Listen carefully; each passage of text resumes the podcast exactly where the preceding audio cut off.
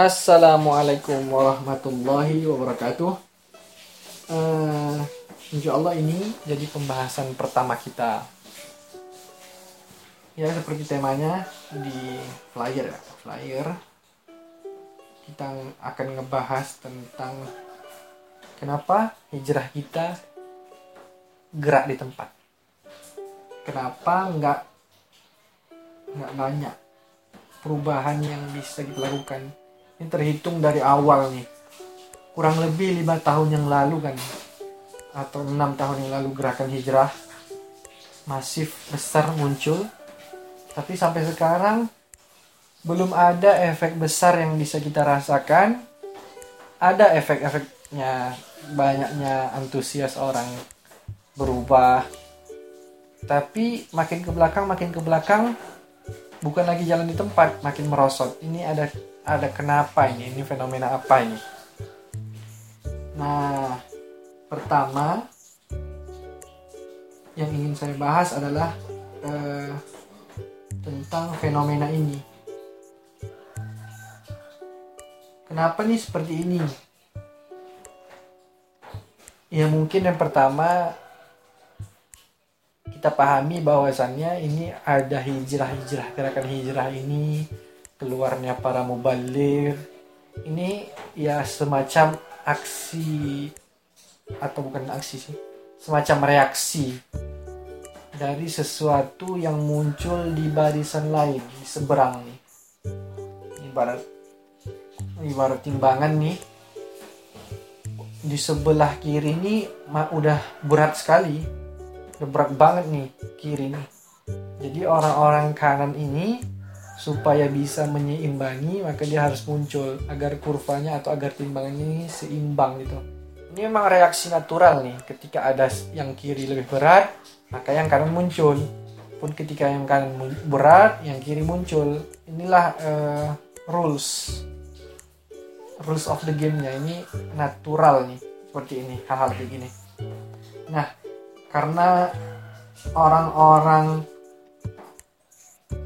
liberalis ataupun yang memusuhi Islam itu keluar dengan segala macam keriuhannya maka orang-orang kanan orang-orang Islamis itu dia juga muncul supaya memberikan penyeimbang di sini. Ada kanan ada kiri agar lebih seimbang. Nah itu faktor bagus tapi yang juga sedikit perlu jadi catatan adalah makin ke sini, makin hari, makin hari, makin hari, tuh semacam raison d'être, alasan untuk melakukan sesuatu, itu alasan hidup, alasan melakukan sesuatu itu itu udah hilang. Nah, kehilangan sebab dan tujuan itu itulah yang sedikit banyaknya mempengaruhi kenapa kita gini-gini aja kenapa hijrah di tempat. Nah eh, kalau kita bisa coba baca sekarang dari peta persebaran hijrah ini dan munculnya mubalir-mubalir baru influencer lah bahasanya influencer yang baru walaupun sebenarnya nanti ah, influencer ini ada kategorinya tapi munculnya influencer ini itu nggak lepas dari dua sebab. Yang pertama karena sebelumnya udah di awal fase awal fase awal itu fase yang saya katakan tadi sebagai aksi reaksi tadi fase awal itu orang yang muncul itu orang-orang yang niatnya itu masih murni murni karena ingin menjawab soalan-soalan dari kaum liberalis dan kaum uh, yang benci lah dengan Islam, yang dengki dengan Islam. Niatnya di situ. Tapi mereka sekarang itu udah tumbuh besar, besar, besar, besar, besar sehingga menjadi influencer yang mempengaruhi influencer baru, mubalik baru, ingin melakukan hal yang sama dengan mereka, tapi nggak semua niat itu sama frekuensinya itu nggak sama dengan generasi-generasi terdahulu kita itu sekarang ini niatannya itu lebih kita kalau kita mau teropong dan mau jujur ya lebih kepada ingin mendapatkan kesempatan berkarir dan ujung-ujungnya mendulang uang. Makanya kalau kita pahami, cermati, baca betul-betul polanya itu hampir hampir serupa buat satu uh, satu gawean ataupun buat satu guyuban. Nanti ujung-ujungnya dibuat kajian berbayar dan lain-lain ya walaupun saya nggak katakan berbayar itu nggak masalah nggak nggak. Karena kita butuh dengan fasilitas butuh dengan akomodasi ya nggak masalah tapi kita hanya ingin ngebaca gimana polanya. Ya polanya gitu. Buat kemudian berbayar dan lain-lain. Tapi ka, eh, kajiannya ataupun kontennya itu lebih kepada sesuatu yang masih kalau kita bisa bahasakan yang paling lembut nih masih seputar hikmah. Masih ajakan mengajak. Nah yang pertama alasan keluarnya mubalik belakangan influencer belakangannya itu mereka melihat ada potensi berkarir di situ sehingga mereka jajaki dan bisa mendulang uang nah salah nggak salah benarnya itu nggak bisa dinilai dalam satu perspektif saja. Kalau kita melihat potensi agama ini dijadikan sebagai industri, di situ maka karir karir di sini ya sah. Tapi kalau kita melihat agama sebagai sesuatu yang diperjuangkan, maka di sini ada sesuatu yang salah. Turunannya pun nanti banyak yang salah. Mulai dari kekeliruan niat, yang itu karena kekeliruan niat itu ya orang-orang influencer yang belakangan ini modalnya hanya maaf modalnya hanya ya mengikut orang-orang sebelumnya yang mungkin dirasanya ah gue bisa nih buat kayak gini nih. Mulai pakai misal kita contoh misal ada ustaz ustaz yang bagus sekali yang memulai aksi-aksi ini Ustaz Hanan misalnya Hanan Taki Masya Allah. Beliau itu terpelajar berilmu dengan ijtihad dakwahnya dia melakukan hal yang uh, berbeda di antara yang lainnya. Tapi keilmuan beliau jangan ditanya insya Allah beliau berilmu. Itu ijtihad uh, ijtihad dakwahnya. Inovasi dakwahnya. Sah-sah saja.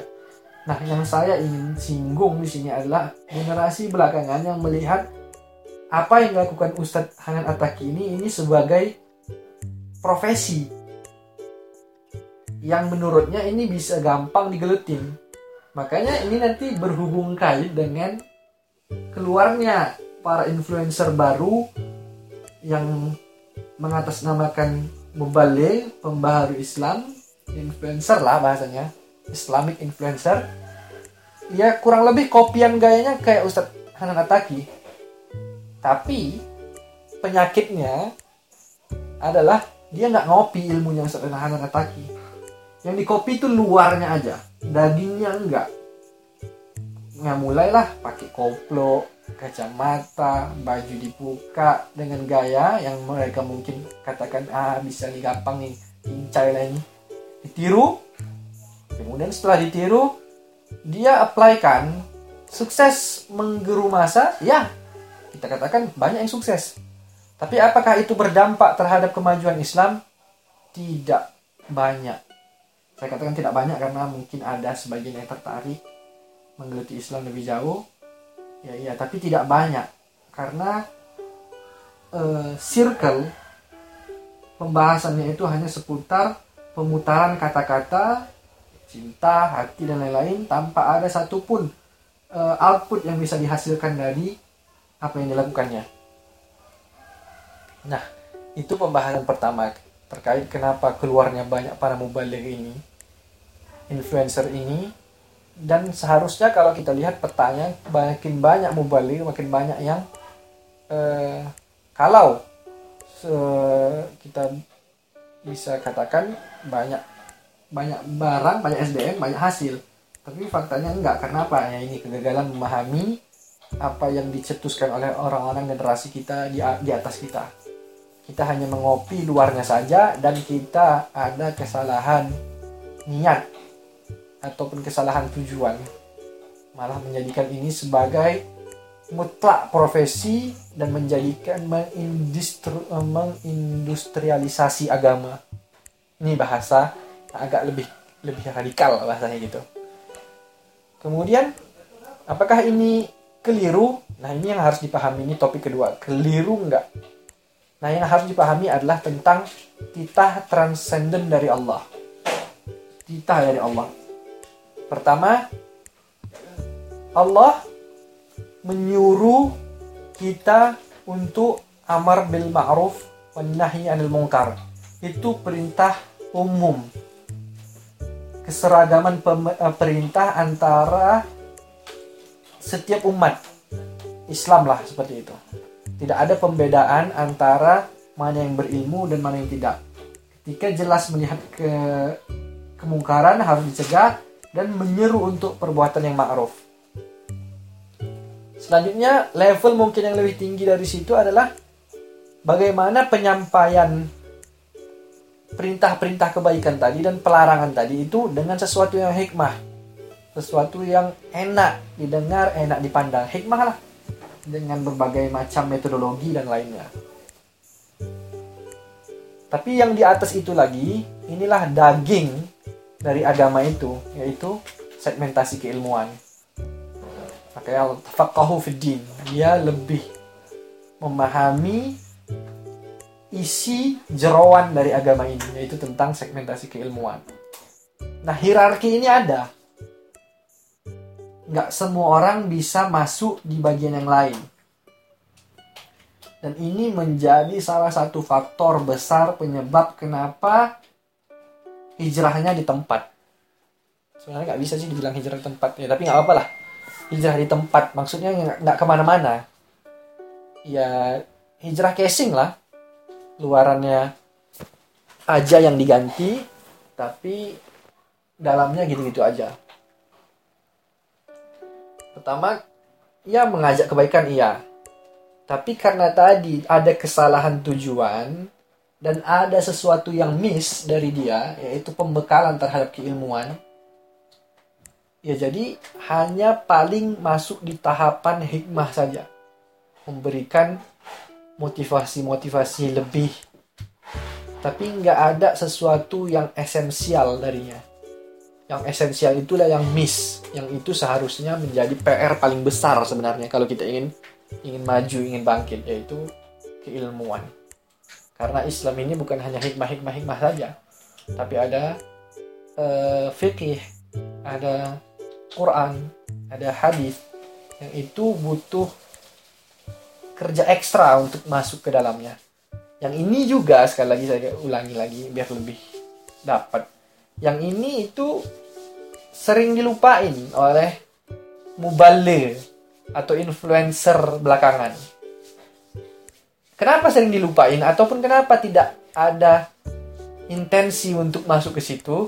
yaitu faktor yang pembahasan pertama tadi. Ya karena tujuan awalnya melihat agama ini sebagai sebuah objek industri tempat berkarir ya maka yang dikerjain yang luar-luarnya aja. Bagaimana memoles penampilan agar tampak mudah menarik pasar dan lain-lainnya tapi dalamnya kosong jadi pepesan kosong ini bahasa maaf terlalu kasar tapi inilah uh, fenomena kita sekarang beragama.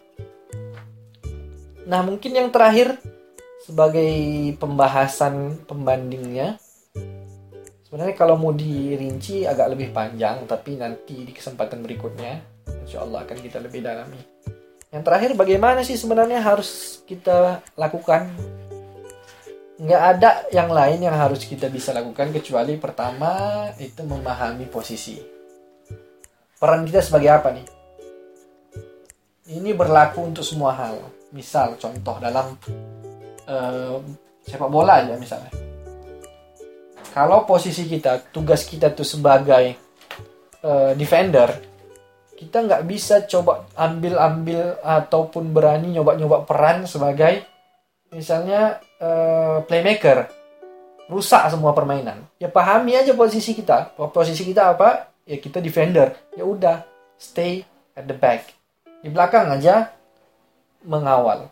Ataupun kalau kita gelandang kreatif, ya buat porsi kita sebagai gelandang kreatif. Nomor 6 kah, nomor 8 kah, atau kita playmaker nomor 10 kah, atau kita pakai por porsi e, dua penyerang. Ya pahami dengan betul peta permainan, formasi, dan pahami posisi kita ada di mana. Karena kesalahan memahami posisi ini akan berimbas terhadap rusaknya skema permainan. Nah, di agama ataupun di dakwah kita kali ini kita juga harus memahami posisi kita. Pertama, kita bahasakan secara umum influencer lah. Maksudnya orang yang menginfluence orang. Influencer influencernya ada tiga mungkin kalau kita bisa uh, bagi ya. Uh, ada yang influencer awam. The influencer ya awam. Ini yang saya bahas di poin nomor satu tadi. Dia nggak ada bekal apa pun tentang agama ini. Dia masuk ke dalam peta percaturan ini, papan catur ini, hanya karena eh, terinspirasi melakukan hal yang sama dengan orang-orang yang terdahulu. Niatnya sudah banyak berubah. Ini awam, saya katakan awam, karena nggak ada bekal sama sekali. Banyakkah orang seperti ini? Banyak. Jadi pembahasannya itu hanya seputar uh, luaran saja, luaran, memutar balik kata, pandai sih mengolah-ngolah, mengotak-atik. Tapi pembahasannya itu hanya di luar. Nah, orang yang seperti ini pahami dulu posisinya. Kalau kita memang bagian dari yang ini, apa yang harus kita lakukan adalah jangan pertama, jangan coba-coba berfatwa jangan coba-coba menyinggung masalah-masalah hukum dan ahkam. Dan yang ketiga, mulai belajar. Tiga yang harus dilakukan. Karena apa? Kacau dan kacau balaunya ini itu yang barusan dibahas juga, bukan barusan nih, dibahas oleh uh, mantan mufti Mesir, Dr. Ali Jum'ah, antara perbedaan antara mubaligh dengan ulama dikatakan oleh Syekh Ali Jum'ah adalah bahwasannya banyak orang-orang yang mengaku-ngaku sebagai uh, ulama berani berfatwa, berani, berani membahas hadis, padahal yang dibahas adalah seputar masalah-masalah yang tujuannya adalah menarik perhatian terkhusus lawan jenis bahasanya seperti itu. Nah ini kan bahaya. Bahaya kenapa ya? Karena kalau orang-orang seperti ini nggak paham posisinya, dia ini menjorok masuk ke dalam pembahasan uh, yang lebih dalam yang efeknya nanti dia salah Islam yang akan uh, tercoreng. Karena orang membaca sesuatu dari covernya. Kebanyakan nah orang membaca Islam nggak dari Islamnya tapi dari Muslimnya nah kalau orang seperti ini influencer ini yang di lingkaran terluar lingkaran terluar kemudian mereka berani berani berfatwa, berani membahas hukum dan ahkam yang sama sekali tidak ada ilmu di dalamnya, sama sekali kosong melompong. Nah, ini inilah mulai kekacauan nih, mulai kekacauan. Dan ini berefek jelas terhadap Islam di mata dunia secara global. Nanti pembahasan tentang ini saya akan kaitkan tentang nanti di episode berikutnya tentang ateis. Kenapa itu seperti itu, fenomena seperti itu kenapa terjadi? Nah itu tapi itu nanti nanti aja. Yang ini dulu uh, tentang pemahaman posisi. Pertama influencer awam. Yang kedua influencer yang berpengetahuan. Influencer berpengetahuan. Ini porsi yang kedua. Dia pernah belajar tentang agama, dia tahu mengam, dia tahu uh, perbedaan-perbedaan pandangan, dia lebih dapat memahami uh, hukum dan lain-lainnya. Nah, ini influencer yang kedua. Apa yang harus dilakukan oleh orang-orang seperti ini? Pertama, tetap harus belajar. Tetap harus belajar. Karena apa? Belajar itu sebenarnya nggak akan pernah putus sama untuk siapa pun tetap harus belajar dan yang kedua adalah lebih dapat membuat sesuatu yang mencerahkan Nah, kasusnya kan orang-orang seperti yang golongan kedua ini, orang yang terpelajar ini, influencer yang terpelajar seperti ataupun orang terpelajar, dia itu canggung untuk masuk ke dunia seperti ini karena alasannya ya menjaga lah dan lain-lain. Permasalahannya kalau nggak keluar orang-orang seperti ini, ya udah dia nanti di dalam aja. Akibatnya apa? Yang tampak orang-orang di luar Islam adalah yang nomor satu, golongan nomor satu, yang awam tadi, sehingga udah hancur. Jadi orang ke, seperti nomor dua ini harus keluar. Karena bagaimanapun dia sudah punya modal, walaupun sedikit. Punya modal, jadi dia lebih paham bagaimana membawakan agama ini untuk orang lain. Tapi terkait permasalahan sekali lagi terkait permasalahan hukum dan ahkam ini kita nggak ada nggak ada apa ya bahasanya nggak ada kemampuan untuk menjadi ataupun menjadi mufti lah gitu. Nggak ada kemampuan untuk berfatwa. Nah, golongan nomor dua ini baiknya ketika ada pertanyaan-pertanyaan yang datang itu sebaiknya menukil apa yang telah difatwakan oleh lembaga-lembaga otoritatif fatwa. Banyak ada Saudi, Mesir yang menurut dia uh, lebih maslahat dan lebih kuat dalilnya. Nah ini nomor dua. Jangan fatwa suka-suka hati sendiri, tapi fatwakanlah apa yang telah difatwakan. Kan itu lebih selamat untuk kita. Nah influencer yang ketiga ini itu influencer yang paling tinggi lah gitu levelannya itu influencer ulama dia sudah ada kemampuan untuk untuk uh, bahasanya dia udah menjadi bagian dari lembaga fatwa seperti itu. Tapi di satu sisi dia juga influencer. Ini banyak contohnya Dr. Ali Jum'ah, mantan mufti Mesir, ada uh, eh, Dr. Usama Said Azhari, ada Dr. Ahmad Ma'bad, ataupun Dr. Uh, bukan dokter ataupun Habib Ali Jifri ulama-ulama kredibel dunia lah ataupun Habib Ali Jifri atau Habib Umar dan yang lain-lainnya. Uh, Ibnu Utsaimin. Kelas-kelasan fatwa tapi dia juga influencer. Dia menginfluence orang. Nah kalau makom seperti ini dia bisa berfatwa karena pun dia menjadi bagian dari lembaga fatwa.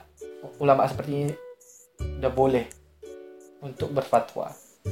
Jadi pemahaman posisi ini penting karena supaya kita tidak menabrak bagian-bagian yang sebenarnya itu udah adalah gawe dan orang lain. Terkhusus untuk nomor satu yang awam, terus upgrade diri, jangan bicara masalah-masalah hukum yang kita nggak ketahui, dan harus masuk ke tingkatan yang berikutnya. Karena kalau tidak ada perubahan tingkatan, hanya kita di situ saja, maka ini tidak akan berubah. Islam ini berubah ketika orang banyak mengambil daging ataupun menuntut ilmu main di dagingnya lah menuntut ilmu. Kita fakahu fiddin ber, ber beragama dengan ilmu. Inilah baru berubah. Karena kalau main di luar saja di kulit kulitnya saja ya hanya seperti itu saja lah cantik di kulit tapi busuk di dalam. Kini ini lebih kurang. Maaf kalau ada yang menyinggung-menyinggung. Assalamualaikum warahmatullahi wabarakatuh.